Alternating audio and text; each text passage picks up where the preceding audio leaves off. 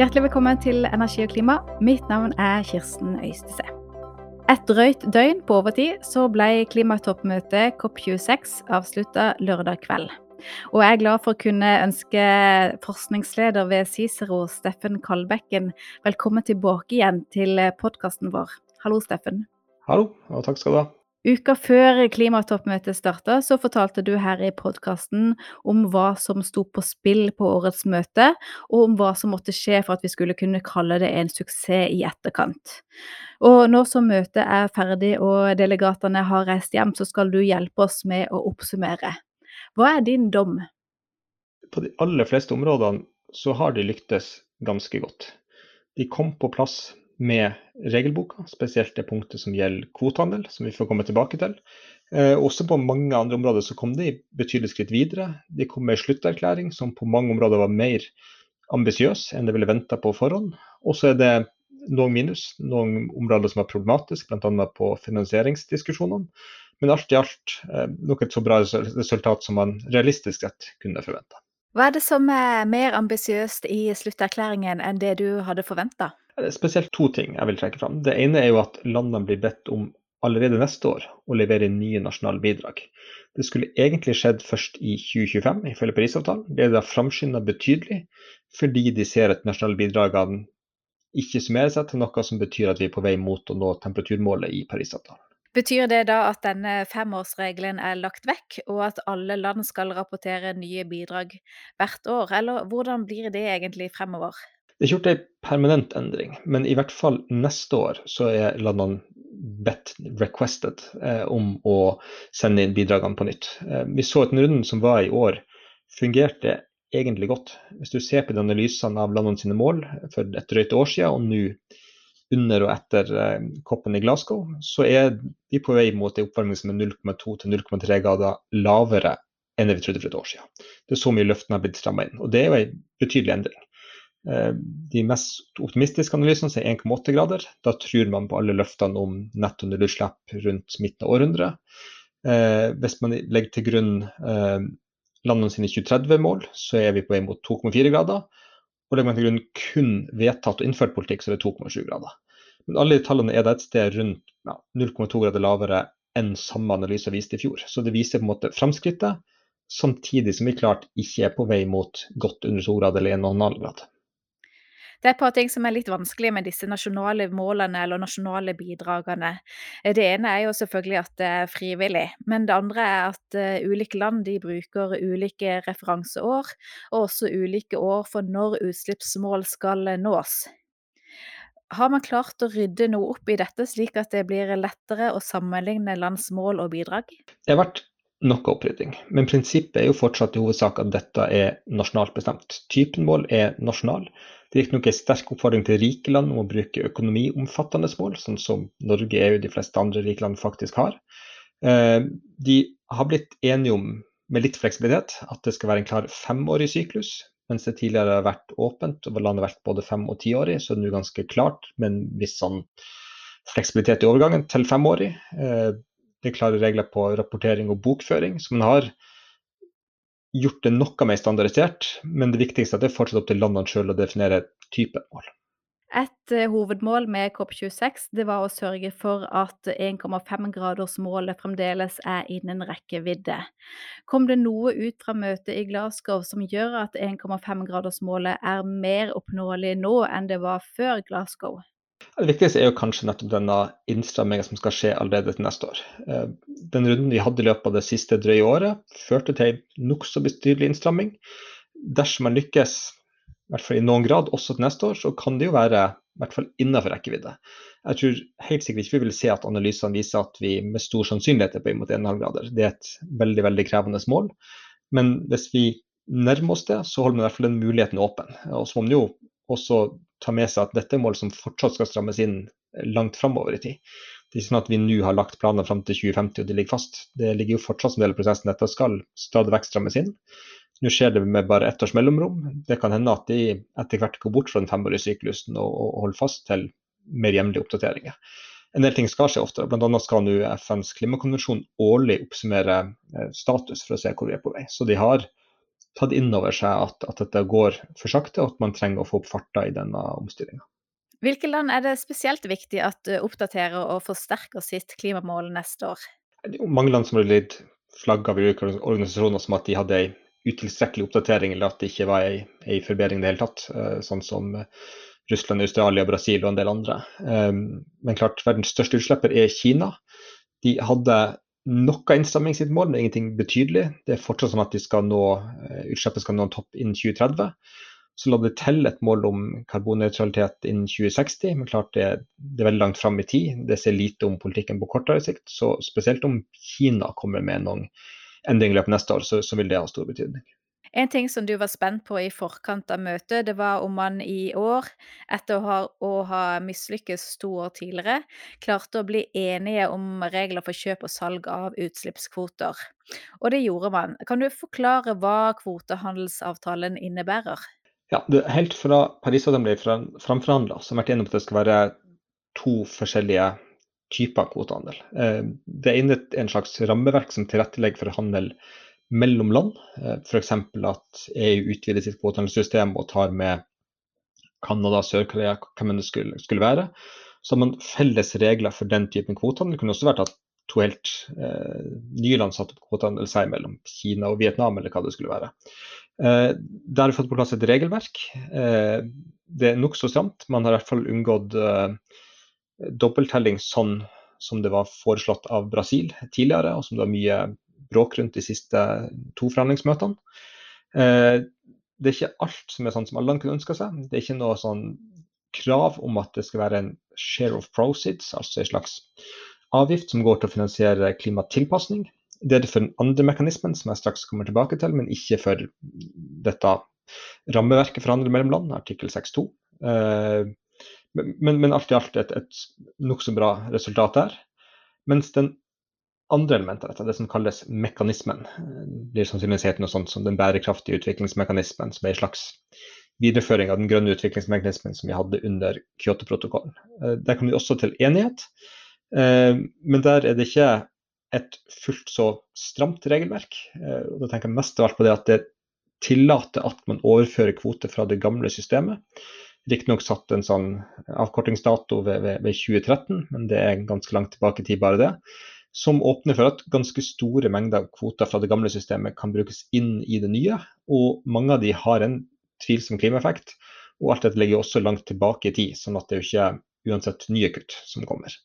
Eh, det har vært en del ulike analyser, litt eh, uenighet om tallene her, men det er i hvert fall snakk om noen hundre millioner tonn eh, CO2-ekvivalenter i kvoter som kan innføres inn i det nye systemet det er ikke dermed sagt at det kommer til å skje, det må jo finnes en kjøper. Eh, og det er ikke sikkert at alle kjøpere vil være så interessert i, i de kvotene som har en usikker klimaeffekt. Eh, men dette er jo også en mekanisme som andre enn land kan finne på å benytte seg av. Jeg tenker spesielt på det store bedriftsmarkedet for frivillig kvotekjøp. Eh, der er det ganske tenkelig at de ønsker seg det FN-godkjente stempelet. Og da vil velge seg å bruke dette systemet, og da kan finne på å kjøpe opp de, de eldre kvotene som, som, har en, en ganske usikker effekt. Så, så jeg litt skeptisk til det punktet i avtalen, eh, og, er usikker på hvordan klimaeffekten av det vil være fremover. Veldig mye kommer an på om de kvotene faktisk blir kjøpt eller ikke, og akkurat hvilket volum som, som, blir godkjent. Fordi Det er opp til de landene selv som sitter på de kvotene, å få det godkjent på nytt under det nye systemet. Så det betyr at det kanskje er et par millioner kvoter som du mener er tvilsomme, som nå er mulig å bruke av land og selskaper? Potensielt åpen for bruk. Det, det, er en sånn prosess der de først må, må, må, eh, godkjennes. De som sitter på kvoten må melde det inn til det, det nye styret, et sånt supervisory body for uh, den nye mekanismen, og få det godkjent. Men ingen utgangspunkt begrensning på at de ikke skal godkjenne den kvoten. Uh, så det vil nok bli det dersom det søkes om. Og så er det et spørsmål om uh, hvor mange som er interessert i å kjøpe de kvoten, som har fått et litt sånn verstingstempel på seg. Ser du med bekymring på at her er det mulig for selskaper å raskt kunne si at de er karbonnøytrale eller klimanøytrale ved å kjøpe opp tvilsomme kvoter? Det er jo mye det det brukes til. og det seg selv Hvis prisen er veldig lav, det er et marked der du snakker om en pris i dag på kanskje 50, 50 cent per eh, tonn eller sånt, det er klart du driver ikke klimaomstillinga til en kostnad på fem kroner per tonn. Eh, så bare prisen antyder jo, sier noe om kvaliteten på dette. Og det er jo mange bedrifter som i dag kjøpekvote av den lave kvaliteten. Eh, så det er jo grunn til å frykte at det vil fortsette. Hvordan kan vi passe på at dette her, hvis disse kvotene får FN-godkjent stempel på seg, så er det vel vanskelig både for de som prøver å følge med, og for selskaper å vite om de gjør rett eller galt her? Altså, det skal merkes. Det skal være tydelig, tydelig framgå hva som er overført til CDM-kvote. Og så må legge til Når det gjelder landene sin rett til å bruke det, så varer det bare denne første perioden fram til 2025. Eh, så det er kun i første runde med nasjonalt bestemte bidrag at land kan bruke de gamle CDM-kvotene. Så det er en begrensning. Så det blir da fort opp til om bedriftsmarkedet er interessert i å kjøpe det eller ikke. Da vi snakka sammen i forkant av klimatoppmøtet, så sa du at det er bedre at man ikke lander en avtale på kvotehandel enn at man lander en dårlig avtale. Er dette en god nok avtale, eller hadde du helst sett at man forhandla ett år til? Nei, Der er jo litt delt med seg. Eh, som sagt, det er to forskjellige ordninger. Dette rammeverket, artikkel 6.2, det er i hovedsak ganske bra. Så der vil jeg sagt at avtale er bedre enn ingen avtale i år. Eh, og så er jeg litt mer i tvil på dette med artikkel 6.4, den nye mekanismen som den heter. Eh, det er jo ganske store mengder eh, gamle kvoter som potensielt kan komme inn. Potensielt betyr ikke at det sikkert kommer inn. Og det problemet vil også avta over tid. Eh, så, i en viss grad så er dette et slags overgangsfenomen som ikke kommer til å leve til evig tid. Men jeg skulle jo helst klart helst ha sett at det ikke ble tillatt med å overføre de gamle kvoten, eller det er også forslag på bordet om at man skulle ha noen slags kvalitetssjekk. At man skulle måtte bevise at hvis det ikke kom nye, ny finansiering gjennom salget av kvoten, så var det prosjekter som ville stoppe opp. Uh, la oss si f.eks. bioenergianlegg der mye ligger i, driftskostnaden og ikke bare i investeringskostnaden. Det kan være tilfeller der de ikke ville fortsatt uten den ekstra finansieringa gjennom salg av kvote. Uh, så det var et forslag som var på bordet i forhandlingene, men som da ikke ble vedtatt. Så det var også muligheter der som ville vært mindre tvilsomme. Et annet viktig tema på møtet er hvor mye rike land skal være med å finansiere utslippskutt og tap og skade. Hva konkret kom ut av COP26 på dette temaet? Jeg må starte med å si at Det var ikke meningen at det skulle bli enige om et nytt finansieringsmål i år. Vi skulle starte på en diskusjon, og så var finansiering et tema under veldig mange forskjellige forhandlingsspor. Det viktigste som kom ut av det i år, er et eh, krav intensjon om at eh, rike land skal fordoble finansieringa av klimafinansiering som går til eh, klimatilpasning fra 2019-nivået fram til 2025. Så det er ganske klart. Også en prosess for å jobbe videre med det nye finansieringsmålet. Eh, der var det ganske mye uro. Uh, utviklingsland ønsker å gå mye mer inn i substansielle diskusjoner. De ville snakke om skal man f.eks. ha separate mål for finansiering til utslippskutt versus tilpasning. Uh, skal du definere hva som telles som klimafinansiering? I dag er det ingen definisjon. Kan man telle med bare statlig eller også privat finansiering?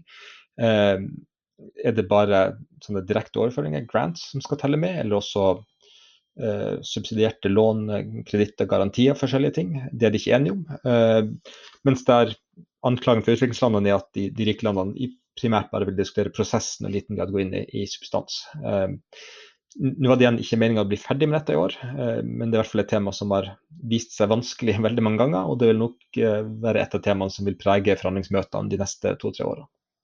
Så man kom ikke så veldig mange steg videre her, egentlig? Man kom ikke så mange steg videre, og så klarte det var en sånn ullen bestilling når man skulle starte en diskusjon og ikke fullføre den, så det er vanskelig å si hva man realistisk sett kunne forvente. Eh, et punkt som ble spesielt problematisk, var at det kom et forslag på bordet om å opprette et slags fond for å finansiere til tap og skade, altså en form for erstatning eller hjelp til, til de som blir rammet av klimaendringene. Eh, der var det forslag om en såkalt eh, Glasgow Loss and Damage Facility, den ble tatt ut av eh, dokumentene eh, til, til, ganske stor forpliktelse fra mange utviklingsland, spesielt små øystater, som er veldig opptatt av at det skal komme en sånn ordning på plass. Det var også i år vi for første gang så eh, løftet om finansiering til dette. Det var Skottland, som jo var vertskapet fra Storbritannia, men Skottland var det landet forhandlingene fant sted, i. Eh, så litt spesielt at vi som da stilte med de første bidragene til et sånt fond. Ganske små beløp, men likevel symbolsk viktig ved at de var villige til å stille opp med det.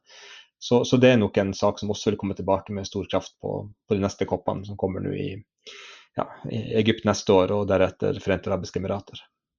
Og dette med tap og skade, her står jo på en måte utviklingsland og utviklede land mot hverandre. Og man ønsker jo fra de som er mest ramma av klimaendringene i dag, å få altså at, at, den rike delen av verden tar på seg en større del av forpliktelsene og innrømmer at her har man mer skyld i, i klimaendringene. Hvorfor er dette så vanskelig og betent? Du brukte ordet skyld, og det er et av grunnene til at det, det er så betent. Spesielt USA har jo en politisk og juridisk eh, tradisjon der det betyr veldig mye om man innrømmer at noen har noen slags skyld eller ansvar.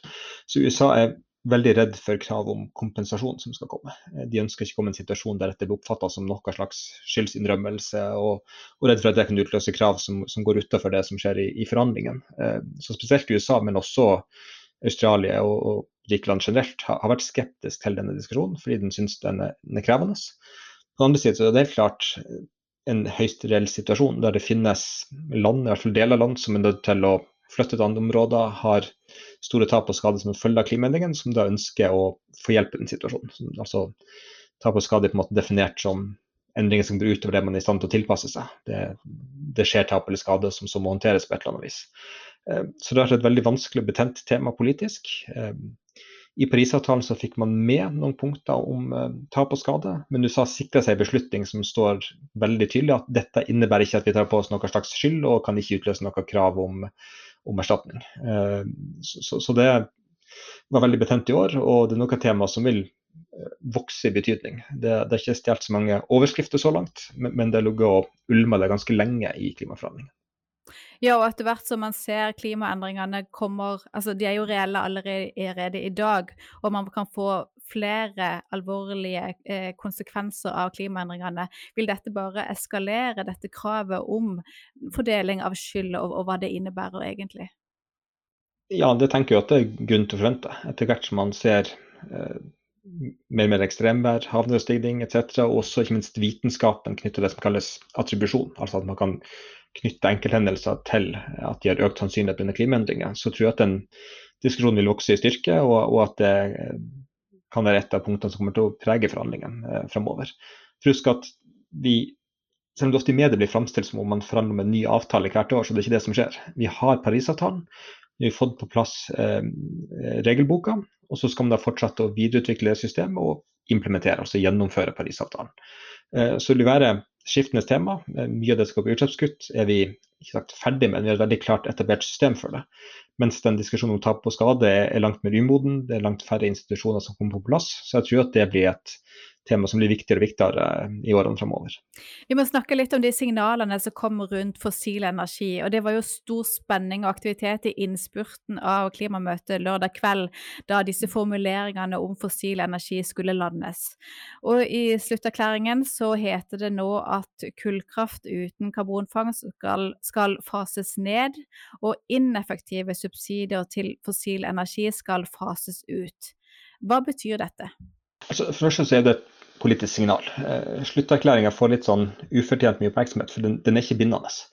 Og den lever ikke til evig tid, sånn som f.eks. regelboka i prinsippet gjør. Eh, men, men, det er en slags temperaturmåling på hvor vi står i dag, hva alle land er villige til å, å godta og leve med. Og det er jo noen klare framskritt der. Det ene er at man såpass tydelig godkjenner det vitenskapelige grunnlaget. Og det har ikke alltid vært uproblematisk. Når man i 2018 skulle på en måte ta imot denne rapporten fra FNs klimapanel om 1,5 graders oppvarming, så var man ikke i stand til å bli enig om at man skulle ønske den velkommen. Man var bare enig om å notere seg at den var kommet. Ganske sånn beskjeden mottakelse. Eh, det er mye tydeligere der i å på en måte omfavne ta imot resultatene fra IPCC i årets slutterklæring, så det er jo et signal. Eh, de nevner jo kull. Det har vært veldig mye diskusjon rundt om det skulle være face down, altså utfasing som opprinnelig sto, så ble det endra til uh, til uh, Unnskyld, face out, så blir det endra til face down, altså fra, fra utfasing til nedfasing. Uh, men det jo, for det første så er det jo første gang kull er nevnt eksplisitt. Og så syns jeg det er veldig liten forståelse for India sitt perspektiv, som er at de er svært avhengig av kull fortsatt. Uh, de føler at de har fått liten støtte fra rike land til å legge om sitt energisystem, og de er ikke beredt til å fase ut kull, i hvert fall ikke på kort sikt. Man kan også spørre da hvorfor skulle man plukke ut at vi må fase ut kull. Vi må også fase ut unabated, som heter, altså uten CCS, olje og gass på sikt. hvorfor skulle kull eh, fremheves? Selvfølgelig det, det er høyere utslipp per enhet energi, eh, men det er også et sånn politisk spørsmål hvorfor man skulle trekke fram én energikilde og ikke andre som bidrar til problemet. Så det var for det første mer oppmerksomhet enn det egentlig fortjener, for at dette er ikke, dette er ikke bindende. Eh, og så ble det litt sånn framstilt som at eh, India var den store synderen her. Eh, men det er jo godt mulig å ha forståelse for deres synspunkter. Det blir jo litt som hvor, hvordan forståelse vi hadde for hvis Norge nekta å gå med på at vi skulle fase ut olje og gass. Den diskusjonen vi hadde i Norge gående med stor styrke i år, og jeg tror ikke Norge ville godta at det skulle stå fase ut olje og gass. Så kan vi bare overføre det samme spørsmålet til India, der, der kull på noen måte spiller samme rolle som olje og gass gjør for oss. Mm. Men når du sier at uh, dette her har fått kanskje ufortjent mye oppmerksomhet, har det egentlig ikke så stor uh, betydning at det står i denne slutterklæringa? Altså, det er jo et politisk signal, men ikke så mye mer enn det. For det er ikke bindende. Det er ikke noe fordi det står på papiret der, så skal nå alle nedfase kullbruken. Det er opp til de nasjonalt bestemte bidragene og eventuelle andre avtaler som inngås. Uh, så, det er ikke bindende, men det er et politisk signal.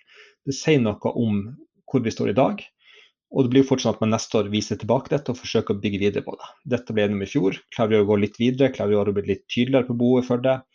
Etter hvert kan det også bli åpne diskusjoner om man skal det inn i, i forhandlingssporene på noen måte. Om det skal komme noe mer, mer tydelig politikk på, på nedfasing da, av eh, bruken av kull f.eks. Eh, så det, det, er kanskje en start på noe, men, men det er ikke noe bindende veldig konkret som kommer ut av dette.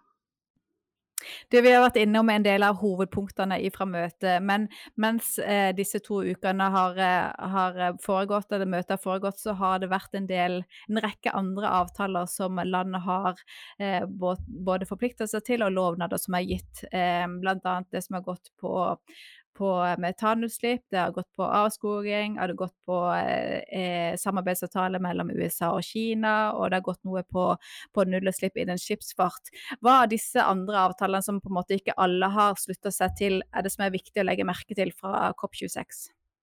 I sum har det ganske stor betydning. Eh, men før man begynner å regne på effekten av de artene isolert, så må man se på at her er det mye dobbelttelling.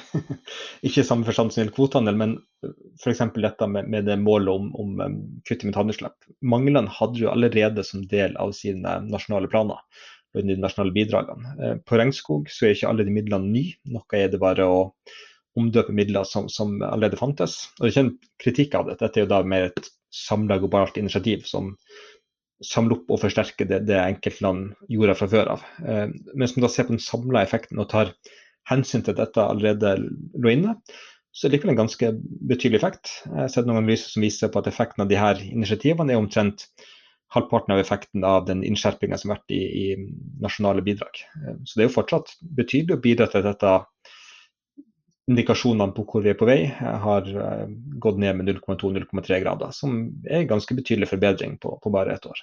Så, så, vi må se det i sum, så det, det, det er bra effekt, men det er, ikke, det er, ikke, sånn at vi kan legge det på toppen av det som allerede er av nasjonale bidrag? Ja, så, så jeg, jeg vil, vil, ikke overdrive effekten av det ved at man bare kan summere opp eh, de enkle elementene, men heller ikke forsøke å undervurdere betydninga av det. det. det. er også politisk viktig. Det er jo veldig viktig at det foregår den typen prosesser på siden av de formelle forhandlingene. For de er jo konsensusdrevet. Det betyr at ett land kan blokkere dersom de vil. Så det er jo et slags minste felles multiplum, det som skjer gjennom COP. Og så skjer det veldig mye ved siden av det, der mindre grupper land som er villige til å gå lenger, blir enige om ting. Så det er veldig viktig at de måte, har et godt samspill mellom de ulike prosessene, og at det skjer mye ved siden av FN-forhandlingene som hjelper til med å, å sette fart på omstillinga. Hva forventer du å se nå da av konsekvenser av det som ble landa i COP26? Altså, det, det, jeg er spent på, er jo denne nye runden med oppjustering av nasjonale bidrag. For at uh, motoren, kjerna i Parisavtalen, har alltid vært nasjonalt bestemte bidrag. Eh, man har innsett at det er vanskelig å, å, å vedta seg fram til ambisiøs politikk gjennom konsensusbeslutninger. Og, og, man har også selvfølgelig stor nasjonal suverenitet. Så, så, Derfor var det alltid bygd inn i eh, avtalen. Eh, men det man også ser, er jo at selv om det ikke er sterkt forpliktende, landet ikke juridisk bundet til å øke sine mål med et gitt tall eller noe sånt, så har det vært en betydelig opptrapping likevel det siste året pga. de her intensjonene fra Parisavtalen. Når det fungerte såpass godt som de gjorde i år, Så jeg er litt spent på å se hvordan ny runde neste år vil ta seg ut. Det er klart at Landet hadde nå da seks år siden Paris på forberedelse på oppjustering, så det er ikke grunn til å forvente at det blir like betydelig til neste år som det var i år. Eh, men jeg er veldig spent på hvordan den prosessen vil utarte seg. Om det vil være en del land, spesielt blant de landene som har blitt anklaget for å ikke oppjustere målene sine i år, om noen av dem kommer med noe bedre til neste år. Norge, oss sjøl, hva finner vi på å gjøre? Eh, blir vi gjøre på dette budskapet og, og oppjustere Norge sitt mål? Det er også veldig interessant å følge med på. Ja, tror du det? Så Norge har jo veldig for vane å gjøre det vi blir, blir bedt om. Eh, Norge var jo et av veldig få land som holdt den opprinnelige tidsfristen i denne runden, som har sendt inn bidragene innen februar 2020. Så ble det riktignok etter vi hadde sendt inn, utsatt med et år pga. korona. Men uh, den nye fristen som da i prinsippet var februar i år, var det jo også mange som ikke holdt. Uh, men Norge er pliktoppfyllende. Uh, vi er et lite land, og derfor er veldig avhengig av at det internasjonale samarbeidet fungerer. Så jeg ble ikke overraska om Norge skulle finne på å sende et nytt, nytt, bidrag i løpet av 2022. Og Neste år så er det jo da kommet til COP27, det skal holdes i eh, Egypt. Hva er det viktigste som det nå skal jobbes med frem mot det møtet, bortsett fra bare det som skal skje på nasjonalt nivå? Som nevnt så har det jo bare starta på forhandlingene om et nytt mål for klimafinansiering. Så jeg tror det er et av punktene som kommer til å være særdeles viktig i eh, Egypt. De har også sagt siden da er på en måte Afrika som er vertsregion i år, så, så, ønsker de å sette fokus på, på, på tilpasning eh, og, og ta på skade finansiering. De diskusjonene henger tett sammen, eh, og da kanskje mindre grad på utslippskutt.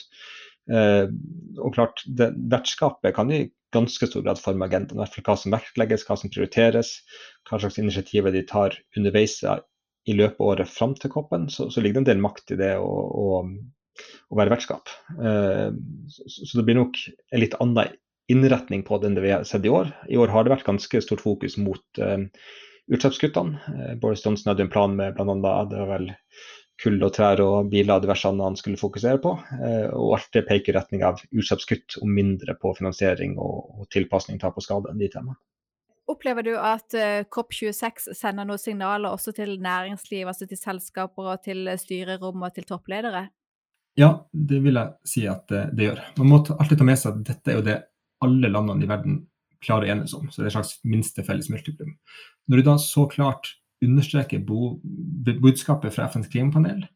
De legger vekt på at konsekvensen av 1,5 graders oppvarming er langt mer til å leve med enn konsekvensen av 2 grader. og Derfor peker de på at vi bør sikte mot 1,5 grader. Det er et ganske klart signal. Signal om nedfasing av kull, eh, kutte i hvert fall ineffektive subsidier til fossil energi, sender signaler. Så når alle landene enige om det, så kan man tenke seg at de landene som er noen hakk mer ambisiøse, som er flertallet av verdens land, er villige til å gå enda lengre. Så Det sender signaler om hva det kan lønnes å investere i. Det sender signaler om klimarisiko, at risikoen ved investering i fossil energi er enda litt høyere. Så jeg tenker klart at dette er ganske tydelige signaler fra alle verdens land i sum til næringslivet. Da sier jeg tusen takk for at du var med i podkasten og oppsummerte hovedpunktene fra COP26, Steffen Kalbekken. Takk skal du ha. Takk også til du som lytter på. Abonner gjerne på Energi og klima i din foretrukne podkastapplikasjon. Og så blir jeg også veldig glad om du anbefaler oss til andre. Takk for i dag.